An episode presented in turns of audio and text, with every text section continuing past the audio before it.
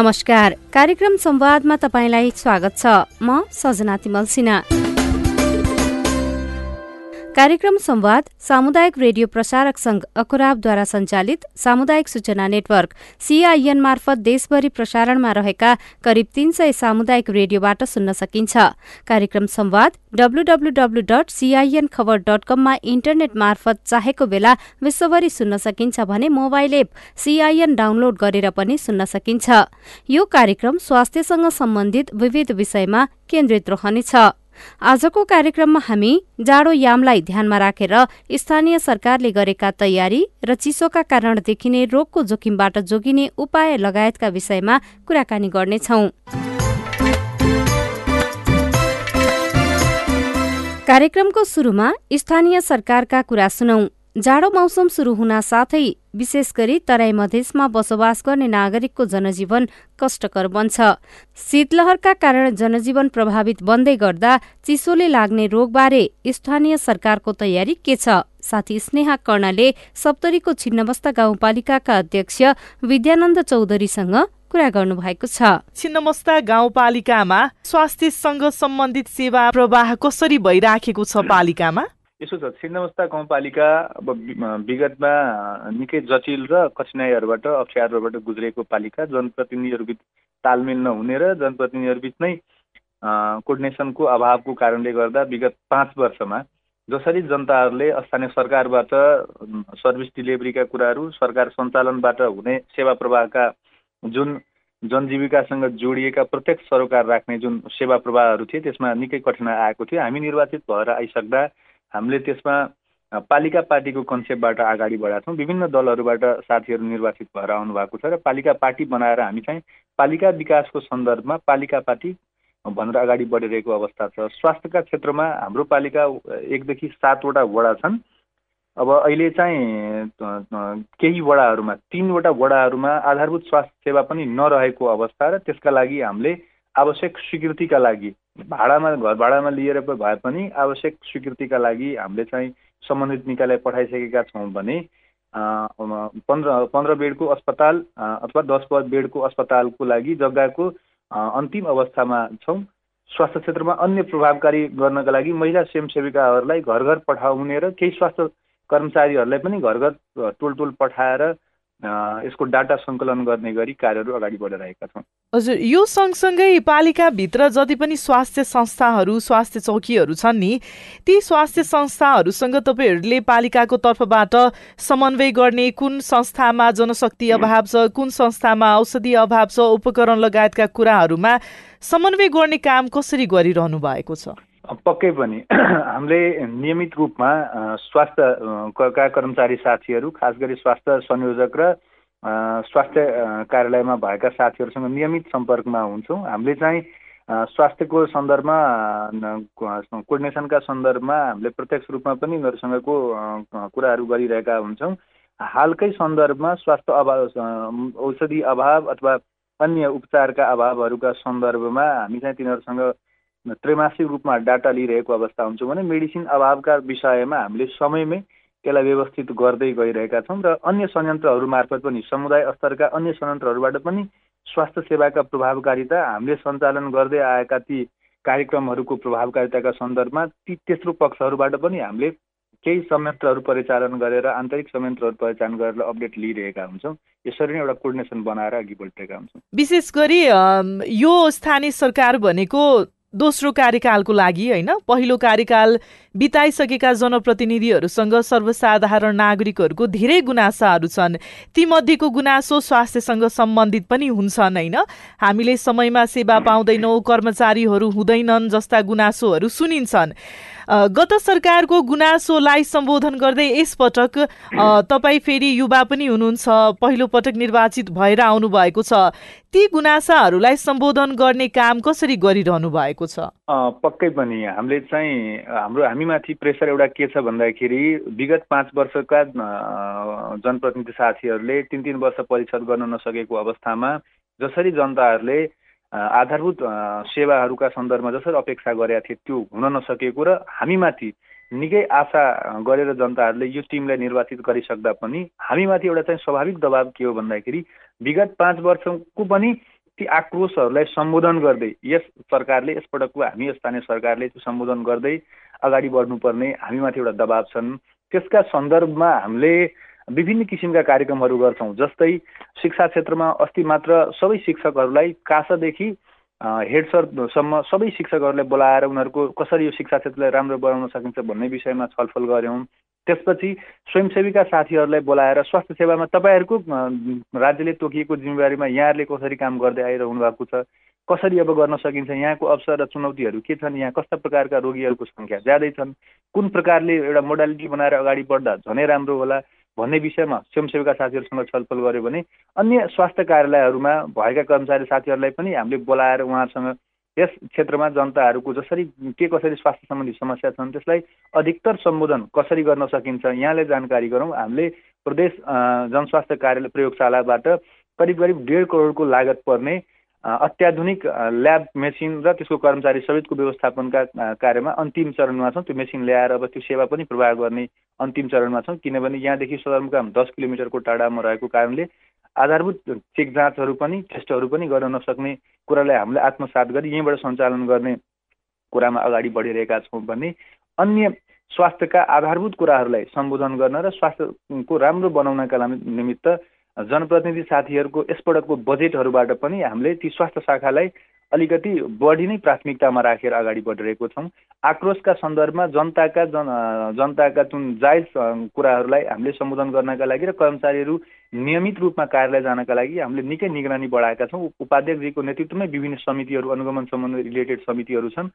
उहाँहरूले र हामी साथीहरूले सबै त्यसमा समय समयमा कार्यालयहरूमा जाने गर्ने र त्यसमा पढाइका साथ अगाडि बढिरहेको अवस्था छ। यी कुरा सँगसँगै अब मौसमको पनि कुरा गरौँ होइन? शीतलहरले गर्दाखेरि तराई मधेस हरेक वर्ष एकदमै कष्टपूर्ण अवस्थाबाट गुज्रिने गरेको छ। मान्छेहरूले मृत्यु नै वरण पनि गर्नु परेको हुन्छ। तपाईँको पालिकाले यसपटक शीतलहरलाई ध्यानमा राखेर अहिलेदेखि नै कस्तो खालको पूर्व तयारी गरिराखेको छ या गरिसकेको छ? पक्कै पनि तराई मधेस हरेक मौसममा चर्चाको केन्द्रमा हुन्छ र खास गरी अब आउन लागेको यो जाडो जाडो याममा शीतलहरमा कठ्याङ्ग्रिएर होस् अथवा चाहिँ शीतलहरले जनजीवनलाई प्रभाव प्रभावित गरेको विषय किन नहोस् जहिले पनि तराई मधेस चर्चाको केन्द्रमा हुन्छ र छिन्नमस्ता पालिका पनि त्यसबाट अछुतो हुँदैनन्। हामीले यस यस वर्षको जाडो यामको व्यवस्थापनका सन्दर्भमा विपद व्यवस्थापनमा तिस लाख रुपियाँ छुट्याएर राखेका छौँ भने उपाध्यक्षजीकै बजेटबाट नौ लाख रुपियाँ ती कम्बल र वितरण आवश्यक त्यो चाहिँ ज्याकेटहरू आवश्यक गर्मिला त्यो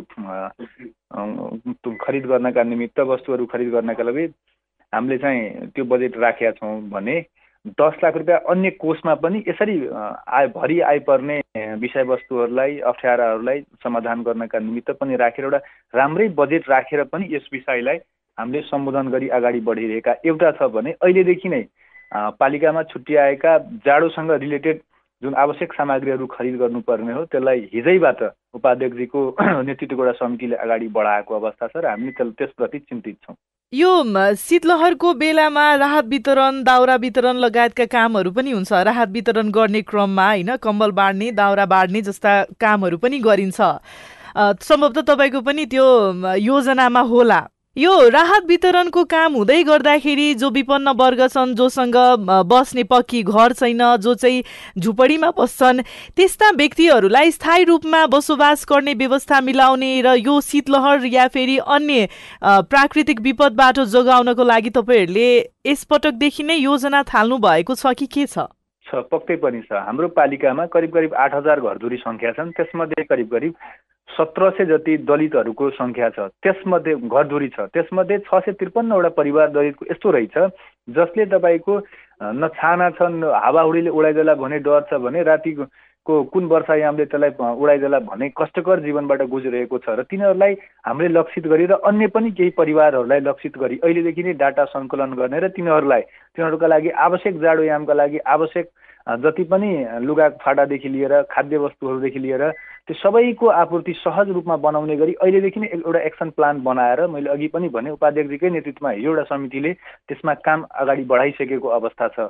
त्यसरी हामी यसलाई अहिलेदेखि नै प्लानिङ गरेर दाउरा वितरण त आउन अब आउने समयका लागि हो भने त्यसभन्दा पहिलेका लगायतका जति पनि जुन हामीले पूर्वाधार तयारदेखि लिएर जसरी सक्रिय ढङ्गले अगाडि बढ्नुपर्ने हुन्छ नि हिजै मात्र विपद समितिलाई पनि हामीले सक्रिय गरेका छौँ र त्यसमा कार्यरत साथीहरूलाई पनि त्यसप्रति चिन्तित बनाएर फिल्डमा पठाइसकेको अवस्था छ।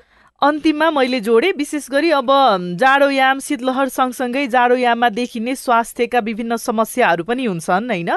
ती समस्याहरूबाट लड्नको लागि पालिकाले कस्तो पूर्व तयारी गरेको छ?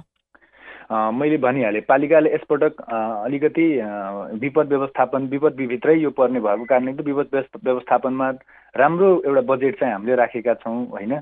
भने अर्को तयारी हाम्रो के छ भने अहिलेदेखि नै कर्मचारी साथीहरू लगाएर विप विपदमा खटिएका कर्मचारीहरूलाई लगाएर अहिलेदेखि नै डाटा सङ्कलन गर्ने र कष्टकर जीवन र बढी जब यो जाडोयाममा प्रभावित हुने चाहिँ घरधुरीहरू परिवार सङ्ख्याहरू सदस्यहरू त्यसको डाटा लिने काम हिजैबाट हामीले सुरु गरिदिएका छौँ। सँगै आधारभूत आवश्यकताहरू पनि अलिकति आर्थिक कमजोरीका कारणले विपन्नताका कारणले नभएका सदस्यहरूको जनताहरूको पनि तथ्याङ्क सङ्कलनका कार्यमा अगाडि बढाइरहेका छन् र समग्रमा एउटा एक्सन प्लान बनाएर यस विषयलाई अब आउन लागेको यो बर चिसोयाममा यहाँका स्थानीयहरूले यहाँका जनताहरूलाई कुनै दुःखद र अप्रिय घटना नहोस् सहज रूपमा दिनचर्या बितोस् भन्ने कामना हेतु अहिलेदेखि नै एउटा एक्सन प्लान बनाएर हामी चाहिँ अगाडि बढिसकेको अवस्था छ। स्थानीय सरकारले योजना बनाएर मात्रै हुँदैन त्यसलाई प्रभावकारी रूपले कार्यान्वयनमा पनि लिएर जान आवश्यक पर्छ। त्यसैले योजना बनाउनुका साथै त्यसको कार्यान्वयनमा पनि विशेष ध्यान दिनुपर्छ। अब लागौं गण्डकी प्रदेशतर्फ। बागलुङको जैमिनी नगरपालिकाले पछिल्लो समय कसरी स्वास्थ्य सेवा प्रवाह गरिरहेको छ? हामीले पालिकाका उपप्रमुख हरिहर शर्मालाई सोधेका छौँ। स्वास्थ्यसँग जोडिएका धेरै क्षेत्रको हामीले काम गर्दैछौँ। अहिले हाम्रा स्वास्थ्य स्वयंसेविकाहरूलाई परिचालन गर्ने स्वास्थ्यका चाहिँ सबै कर्मचारी साथीहरूलाई अहिले नयाँ खालका चाहिँ इन्टर्नसिप सहितको हामीले नागरिकको स्वास्थ्यलाई सुरक्षा गर्नका निम्ति धेरै कार्यक्रमहरू बनाएका छौँ। सामुदायिक स्वास्थ्य स्वयंसेविकाहरूको स्वास्थ्य बिमा निशुल्क गर्ने कुरादेखि लिएर हामीले विभिन्न खालका क्याम्पहरू विभिन्न खालका शिविरहरू सञ्चालन गर्ने कुरा एक्सरेका कार्यक्रमहरूलाई वडा र सम्म पुर्याउने कुराहरू यस्ता धेरै कार्यक्रमहरू जोडेर अहिले सँगसँगै लिएर गएका छौँ। तपाईँले पालिकामा अहिले स्वास्थ्यसँग सम्बन्धित जति पनि गतिविधिहरू भइराखेको छ त्यो बारेमा जानकारी दिँदै गर्दाखेरि होइन सङ्घ सरकारले नै योजना लिएको थियो पालिकाका हरेक वडामा कम्तीमा दसदेखि पन्ध्र सयको अस्पताल निर्माण गर्ने त्यसमा कम्तीमा एकजना बिबिएस पुरा अध्ययन पुरा गरेका डाक्टरलाई राख्ने भनेर जनशक्ति व्यवस्थापनका कुराहरू पनि छन्। त्यसतर्फ चाहिँ कसरी काम भइराखेको छ? हामीले नगर अस्पतालका निम्ति जग्गा व्यवस्थापन गरेर डिपिआर पनि एप्रुभ गरेर हामी टेन्डरको चरणमा छौँ। हामी प्रारम्भिक चरणमा हामी आइसके पछाडि छिटोभन्दा छिटो नगर अस्पताल निर्माण गर्नुपर्छ भनेर हामी त्यो प्रक्रियालाई अगाडि बढाएका छौँ र छिट्टै टेन्डर हुँदैछ। त्यस्तै त्यस्तै गरी हामीले डक्टरको व्यवस्थापन पनि गरेका छौँ र थप डक्टरहरू पनि हाम्रोमा आउने एउटा वातावरण बनेको छ केही जानका निम्ति तयार हुनुभएको छ त्यसका निम्ति पनि नगरपालिकाले समन्वय गरेको छ त्यहाँको ल्याबलाई व्यवस्थित गर्ने कुरा अहिले हामीले सिआर एक्सरे मेसिनको व्यवस्थापन गर्नका निम्ति पनि काम गरिरहेका छौँ। त्यो भएर चाहिँ हामी त्यो दिशामा निरन्तर क्रियाशील छौँ। विशेष गरी कुनै पनि पालिकामा वा कुनै पनि स्वास्थ्य संस्थामा जनशक्तिको कुरा जहिले पनि मुख्य विषय बन्छ। किन भन्दाखेरि अस्पतालमा जनशक्ति अभाव हुने सरकारले दरबन्दी नखुलाउने जस्ता कुराहरू पनि छन्। यी यस्ता कुराहरूलाई तपाईँहरूले कसरी समाधान गर्दै गर्दै अघि बढ्नुहुन्छ? हामीले समस्या भएको बेलामा माथिबाट दरबन्दी नआउँदा हामीले स्थानीय रूपबाट नै हामीले केही जनशक्तिहरूको व्यवस्थापन गरेर पनि काम गरेका छौँ तर अहिले हामीले तिसजनाको नगर अस्पतालका निम्ति तिसजनाको दरबन्दी स्वीकृत स्वीकृत गराइसकेका छौँ र त्यो केही सशक्तबाट केही हाम्रो स्थानीय तहबाट हामीलाई चाहिने मेन पावरको व्यवस्थापन गरेका छौँ। त्यो बाहेक पूर्वाधार निर्माणका कुराहरू होलान् होइन? अस्पतालमा औषधि व्यवस्थापनका कुराहरू होलान्। त्यसतर्फ चाहिँ के छ पालिकाको कार्ययोजना? हामीले न्यूनतम औषधि नागरिकलाई चाहिने न्यूनतम औषधिहरू त्यहाँ उपचार गर्नुपर्ने औषधिमा कुनै खालको चाहिँ समस्या नहोस् भनेर सरकारबाट प्राप्त हुने बाहेक पनि पालिकाले रकम व्यवस्थापन गरेर त्यसको हामी एकदमै राम्रो गरी प्रबन्ध गरेका छौँ किनभने स्थानीय सरकारको दायित्व नागरिकको स्वास्थ्य सुरक्षा गर्ने दायित्व प्रमुख दायित्व स्वस्थ नागरिकले मात्रै अरू शिक्षाका अरू विभिन्न आयाममा काम गर्न सक्छ राम्रो शिक्षा प्राप्त गर्न सक्छ उसले रोजगारी प्राप्त गर्न सक्छ उसले समाजका निम्ति पालिकाका निम्ति पनि योगदान पुर्याउन सक्छ। त्यस गर्दाखेरि हामी स्वास्थ्यलाई पहिलो प्राथमिकतामा राखेर काम गर्ने कोसिस गरेका छौँ। यो सँगसँगै अब जाडोयाम अहिले चलिराखेको छ होइन? कतिपय क्षेत्रहरूमा पानी पर्ने हिउँ पर्ने लगायतका कुराहरू पनि मौसमविदहरूले भनिराखेका छन्। तपाईँको पालिकाले जाडोयाममा देखिने सम्भावित जति पनि रोगहरू हुन्छन् त्यसलाई ध्यानमा राखेर कसरी काम गर्दैछ या पुरो तयारी भइसकेको छ? हाम्रो पालिकाले जाडोको सन्दर्भमा हामीलाई त्यस्तो मौसमले जाडोबाट धेरै समस्या हुने पालिका होइन। हाम्रो एकदम ठिकै मध्यम खालको वातावरण भएको पालिका छ। त्यो सँगसँगै हामीले विभिन्न खालका सचेतनाका कार्यक्रमहरू वडा वडामा स्वास्थ्य संस्थाहरूमा विभिन्न हिसाबले सचेतनाका कार्यक्रमहरू पनि सञ्चालन भएका छन् र चिसोमा नागरिकहरूलाई समस्या भएर चिसोमा आवश्यक पर्ने औषधिहरू हामीले सबै स्वास्थ्य संस्थाहरूमा प्रबन्ध गरिसकेका छौँ। त्यसको कुनै समस्या छैन। स्वास्थ्य शाखाले त्यसको सम्पूर्ण ढङ्गको व्यवस्थापन गरेको छ र हामी पनि निरन्तर नगरपालिका त्यस्ता समस्याहरू आउने अवस्थामा त्यसलाई तत्काल सम्बोधन गर्नका निम्ति तयार अवस्थामा छौँ। संयोगले हाम्रो पालिकाका सबै यहाँ सडकहरू व्यवस्थित भएको छ त्यसलाई सफाइ गरेर हामीले ठिकठाक अवस्थामा राखेको हुँदाखेरि कुनै त्यस्तो थप समस्या भयो भने पनि हामीले तत्कालै व्यवस्थापन गर्न सक्ने अवस्थामा हाम्रो नगरपालिका छ। हजुर अन्तिममा मैले एउटा प्रश्न गरेँ। जस्तै कुनै पनि व्यक्तिलाई कुनै पनि किसिमको स्वास्थ्यसँग सम्बन्धित समस्या पर्यो भने उनीहरूले तत्काल स्वास्थ्य संस्थामा सम्पर्क गर्ने वा पालिकालाई सम्पर्क गर्ने तपाईँहरूले अहिलेसम्म संयन्त्र गठन गर्नुभयो। भएको छ जस्तै एम्बुलेन्स पर्ला या फेरि अन्य कुनै आवश्यकता पर्यो भने त्यसको लागि पालिकासँग वा स्वास्थ्य स्वास्थ्य संस्थासँग जोड्नको लागि संयन्त्र गठन भएको छ। भएको छ। हामीले हाम्रो एम्बुलेन्स पनि छ त्यसलाई पनि व्यवस्थित गरेका छौँ। त जति बेला सुकै एम्बुलेन्स सुविधा र सेवा चाहिँ नगरपालिकाले दिने गरेको छ त्यस्तै गरी विपन्न नागरिकहरू जस्तो सुत्केरी हुने बेलामा समस्या हुँदा होस् अथवा ठुला ठुला दुर्घटना हुँदाखेरि अथवा विपन्न नागरिक स्वास्थ्य उपचारका निम्ति जान सकेनन् भने पनि नागरिकले के अरे नगरपालिकाले तत्काल नै केही रकमको व्यवस्था गरेर उहाँहरूको स्वास्थ्य प्रारम्भिक स्वास्थ्य उपचारका निम्ति पठाउने त्यसको सजीकरण गर्ने काम गरेको छ। त्यस्ता खालका नागरिकलाई समस्या आउँदा विपत्ति आउँदाका निम्ति हेर्ने भनेर हामीले ओडा ओडामा हाम्रा नगरपालिकाका सबै ओडामा त्यसका निम्ति फोकल पर्सन नै नगरपालिकाले छनौट गरेर उहाँहरूले तत्कालै समन्वय गर्ने र त्यसभन्दा अगाडि फरवार्ड गर्ने कामका निम्ति हामीले हरेक वडामा फोकल पर्सनको व्यवस्थापन गरेका छौँ। अब एकैछिन जाडोयाममा लाग्ने रोग र जोकिने उपायबारे कुराकानी गरौं। जानकारी दिँदै हुनुहुन्छ प्रमुख विशेषज्ञ डाक्टर महेन्द्र अग्रहरी। जाडो मौसम सुरु हुँदै गर्दाखेरि अस्पतालमा बिरामीहरूको अवस्था कस्तो छ? आउने क्रम बढेको छ या सामान्य जस्तै देखिएको छ? हामी जाडोयामको सुरुवाती समयमै छौँ। यसपालि चाहिँ यो मङ्सिर महिना सुरु हुँदै गर्दाखेरि समयले अलिक साथ दिएको भएर अहिले हामीले बिहानैबाट घाम लाग्ने दिनभरि घाम लाग्ने र हुसु र चिसो चाहिँ बिस्तारै बढ्ने क्रममै छ। त्यस्तो बेलामा चाहिँ यो सिजनल परिवर्तन हुने बेलामा सिजनल फ्लू का बिरामीहरू चाहिँ केही मात्रामा बढेको देखिन्छ। जसमध्ये रुगाखोकी ज्वरो टाउको दुख्ने अनि झाडा बान्ताको बिरामीहरू चाहिँ अस्पतालहरूमा अलिकति केही मात्रामा बढेको चाहिँ छन् विशेष गरी रुगाखोकी लगायतका बिरामीहरू आउँदै गरेको भनेर जानकारी दिनुभयो होइन? यो अस्पताल आउने बिरामीको उमेर समूहलाई ध्यान दिँदाखेरि कुन उमेर समूह चाहिँ अलिक बढी प्रभावित भएको पाउनुभयो? विशेष गरिकन मिडिल एजेड पैँतिसदेखि चालिस र बच्चाहरू यो उमेर मतलब यो रोगबाट बढी प्रभावित छन्। भनेको उहाँहरूमा रोग प्रतिरोधात्मक क्षमता कमजोर हुने भएकोले देखिएको हो या के कारणले चाहिँ उहाँहरू अलिक बढी प्रभावित पाउनुभयो? हजुर फिजिकल्ली एक्टिभ मान्छेहरू जो चाहिँ बिहान बेलुका आफ्नो काममा हिँड्छन् होइन उहाँहरूले यो चिसो मौसमको चाहिँ सामना गर्नुपर्ने हुन्छ। त्यसको कारणले गर्दाखेरि र खानपिनहरूमा चाहिँ ध्यान दिन नसक्दाखेरि बाहिर खाँदाखेरि होइन यी कारणहरूले गर्दाखेरि यो उमेर समूहको मान्छेलाई बढी यो समस्या देखिन्छ।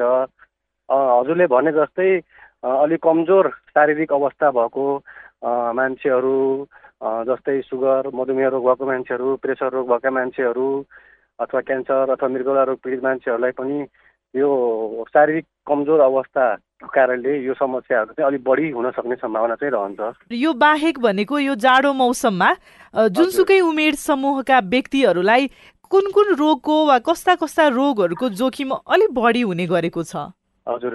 जाडोयाममा हामी चाहिँ घरबाट धेरै ननिस्किने र एउटै कोठामा बढी मान्छेहरू कहिलेकाहीँ जम्मा हुने गर्दाखेरि कम्युनिकेबल डिजिजहरू जस्तै सास प्रश्वासबाट सर्ने सर्ने समस्याहरू भाइरल फ्लूहरू ट्युबरक्लोसिसको समस्याहरू त्यस्तै गरेर खानपिनमा चाहिँ कहिलेकाहीँ हामीले हातहरू राम्रोसँग नपखाल्दाखेरि डाइरियाको समस्याहरू र अहिले अब यो घट्दो क्रममा यो डेङ्गुको समस्याहरू चाहिँ देखिने सम्भावना हुन्छ।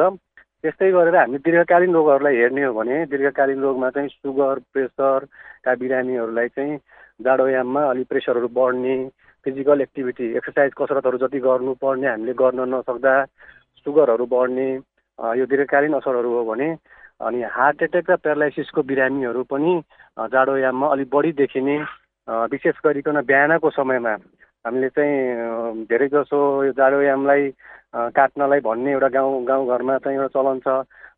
बढी मदिराहरू सेवन गर्ने र मासुजन्य मासु पदार्थहरू बढी खाँदाखेरि चिल्लोपन बढी भएर प्रेसरहरू बढ्दाखेरि यसले चाहिँ ब्रेन एट्याक अथवा हार्ट एट्याक हुन सक्ने सम्भावना चाहिँ जाडोयाममा अलिक बढी देखिन सक्ने सम्भावना भएका दीर्घकालीन रोगहरू हो। जति पनि रोग या बिरामीको बारेमा भन्नुभयो विशेष गरी हामीलाई एकदमै सुनिराख्ने भनेको निरन्तर सुनिराख्ने मधुमेह दम भयो होइन? जाडो मौसममा प्रभावित हुने त्यसपछि मुटु सम्बन्धी समस्याहरू भयो होइन?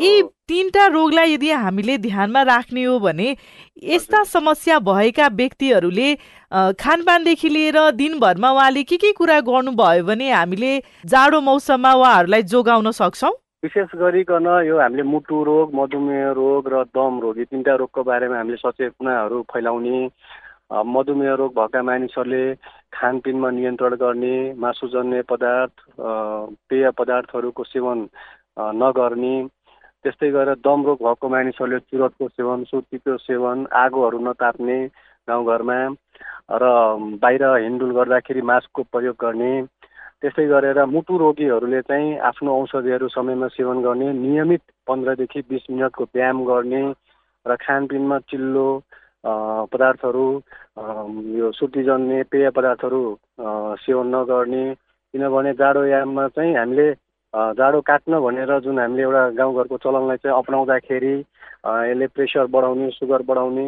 एउटा हामीले अनुमान गरिन्छ र तिनीहरूले नै मुटु रोग बढ्ने भएको भएर मुटु रोगीहरूले चाहिँ विशेष ध्यान पुर्याउनु पर्छ आफ्नो औषधि टाइममा सेवन गर्ने नियमित चेक जाँच गराउने र फिजिकल एक्टिभिटी आफूलाई चाहिँ कसरत व्यायामहरू चाहिँ नियमित रूपमा गर्नुपर्ने हुन्छ। यति गरेर ध्यान दियो भने चाहिँ यो मुटु रोग अनि दम रोग र यो मधुमेह रोग जस्तो दीर्घकालीन रोगहरू बढ्न पाउँदैन र बचाउन पनि सकिन्छ। तपाईँले निरन्तर अघिदेखि भनिरहनु भएको छ कि विशेष गरी हामीले मदिरा भनेको रक्सी नखाने होइन? र समय समयमा व्यायाम गर्ने आफ्नो नियमित औषधि सेवन गर्ने। तर पनि कतिपय मानिसहरूसँग यसो कुराकानी गर्दाखेरि के खालको कुरा सुनिन्छ भन्दाखेरि जाडोयाममा चाहिँ रक्सी खायो भने जिउ तातिन्छ त्यही भएर जाडोमा रक्सी खाने मान्छेहरू अलिक बढ्छन्। रक्सी सेवनकै कारणले हृदयघात गरेको कुराहरू पनि सुनिन्छ। यो घटनालाई या फेरि यो कुरालाई चाहिँ हामीले कुन रूपमा लिने? यसमा चाहिँ कति सत्य छ वा यो कुरा चाहिँ कति असत्य भए छ भनेर बुझ्ने हामीले? मैले अघिदेखि फोकस गरेको कुरा पनि त्यही हो। जाडो काट्नलाई भनेर मानिसहरूले मदिरा दिनहुँ जस्तो सेवन गर्न थाल्ने र मासु जन्ने खानेकुराहरू दिनहुँ जस्तो सेवन गर्न थालेपछि यसले शरीरमा एक किसिमको कोलेस्ट्रोलको नियन्त्रणलाई बढाउने ब्लड प्रेसरलाई बढाउने गर्दाखेरि अचानक नर्मल एक सय बिस बाई अस्सी एक सय चालिस बाई अस्सी प्रेसर भएका मानिसहरूमा पनि अचानक बिपी बढेर यसले हार्ट एट्याक गराएर होइन ज्यान जोखिममा पार्न सक्ने सम्भावना चाहिँ एकदमै बढी देखिन्छ। र हामी जाडोयाममा बढी सुत्नलाई मन पराउने भएको भएर पनि जुन कसरत हाम्रो शरीरले दिनहुँ पाउनु पर्ने त्यो पाउन नसक्दाखेरि पनि प्रेसर बढ्ने सुगर बढ्ने यसले पनि हार्ट एट्याकहरू र प्यारालाइसिसको समस्याहरूले बढाउने चाहिँ यो सहयोग गर्छ।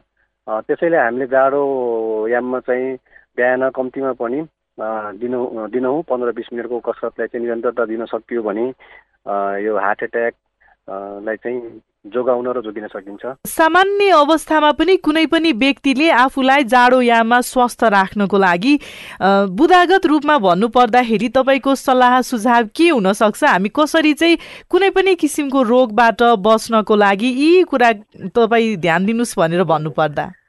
अब हामी अहिले एक्काइसौँ शताब्दीमा भएको मानिसहरूमा सबैभन्दा बढी इम्पोर्टेन्स बच्नुपर्ने भनेको स्ट्रेस तनाव नै हो हेर्नुहोस्। तनावले गर्दाखेरि हाम्रो सबै कुराहरूलाई असर गर्छ। निद्रामा असर गर्यो भने यसले चाहिँ सुगर प्रेसरलाई निम्त्याउँछ ब्रेनको एक्टिभिटीहरू बढ्छ छारे रोगहरू आउने चान्स पनि हुन्छ। त्यस्तै भएर हामीले पहिलो एक्काइसौँ शताब्दीको पहिलो मूल मन्त्र नै हामीले रोगहरूबाट जोगिनलाई चाहिँ तनाव व्यवस्थापन गर्न सक्नुपर्छ। त्यसको लागि हामीले चाहिँ कम्तीमा पनि छदेखि आठ घन्टाको गहिरो निद्रा सुत्नुपर्ने हुन्छ। र बिहान उठेर अथवा बेलुकामा चाहिँ हामीले पन्ध्र बिस मिनटको कसरत जुन जुन बेला हामी चाहिँ स्ट्रेस फ्री पनि हुन्छौँ र कसरतले हाम्रो हर्मोनल ब्यालेन्स पनि ल्याउने भएको भएर कसरत गर्ने पानीको मात्रा कम्तीमा पनि दुईदेखि तिन लिटरको सेवन गर्ने र खानपिनमा चाहिँ हामीले यो मदिरा पदार्थहरू चिल्लोपन भएको पदार्थहरू र मासुजन्य पदार्थहरूलाई कम गरेर हामीले चाहिँ फलफुलको कुराहरूलाई जोड दिने सागपात सलादहरूको कुरालाई जोड दिने यी खानपिनमा सुधार गर्ने स्ट्रेस म्यानेजमेन्ट गर्ने र पानीको मात्रा ब्यालेन्स वेमा खाने र आफ्नो शरीरलाई नियमित रूपमा चेक जाँच गराउने र यी सबै मध्ये सबैभन्दा इम्पोर्टेन्ट पार्ट हो नै स्ट्रेस म्यानेजमेन्ट नै हो। स्ट्रेस म्यानेजमेन्ट गर्न सक्यो भने चाहिँ हाम्रो चाहिँ एक्काइसौँ शताब्दीमा निम्तिने रोगहरूबाट चाहिँ जोगिन सकिन्छ। पछिल्लो समय हामी कोरोना महामारीबाट लडिराखेका थियौँ होइन? अहिले फेरि अहिलेको अवस्थामा आएर आजको दिनसम्म हेर्दाखेरि कोरोना त्यसपछि डेङ्गी सङ्क्रमणको जोखिम लगायत ओझेलमा परेको जस्तो देखिन थालेको छ होइन? हुन त बेला बेलामा हाम्रै छिमेकी मुलुक चिनमा पनि कोरोनाको सङ्क्रमण तीव्र गतिमा बढ्दै गरेको पनि हामी सुन्छौँ। अहिले तपाईँले काम गर्दै गर्दाखेरि अस्पतालमा बिरामीहरू आउँदै गर्दाखेरि कोरोनाको अवस्था कस्तो पाइरहनु भएको छ? अब हामी डराउनु पर्ने अवस्था छैन हामी सबैले खोप लगाइसक्यौँ। त्यही भएर कोरोना पनि हराएर गइसक्यो भनेर बुझिसक्ने अवस्था आइसक्यो। या हामी अझै पनि सचेत हुनुपर्ने दिन छँदैछ? होइन कोरोनाको अवस्था दिन प्रतिदिन घट्दो छ। तर पनि यो जाडोयाममा मैले अघि जोडे जस्तै एउटै कोठामा बढी बढी मान्छेहरू बस्ने बढी भिडभाड गर्ने र यो कोरोना चाहिँ सास प्रश्वासमा चढ्ने रोग भएको भएर यसबाट चाहिँ हामी अछुतो रहन सक्दैनौँ। र यो समाजमा पहिला देखिसकेको भएर कुनै न कुनै रूपमा सानो रूपमा भए पनि बसिराख्ने र यसले ठाउँ पायो भने बढी कन्टामिनेसनहरू भयो भने चाहिँ यो रोग बढ्न चाहिँ सक्ने सम्भावना चाहिँ हामीले जहिले नै राख्नु पर्दछ।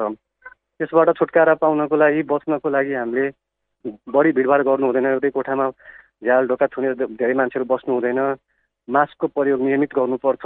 यी कुराहरू चाहिँ हामीले बिर्सिनु हुँदैन र यसलाई अप्नाइयो भने कोरोनालाई चाहिँ हामीले बिस्तारै हामीले यसलाई नियन्त्रणमा राखेर अलिकति यसबाट चाहिँ टाढा यो जानकारीमूलक सन्देशसँगै आजको लागि कार्यक्रम संवादको समय सकिने लाग्यो।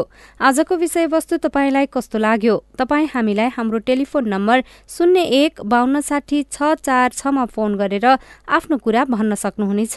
साथै हामीलाई हाम्रो Facebook page at the rate CIN खबरमा गएर पनि आफ्ना कुरा लेख्न सक्नुहुनेछ।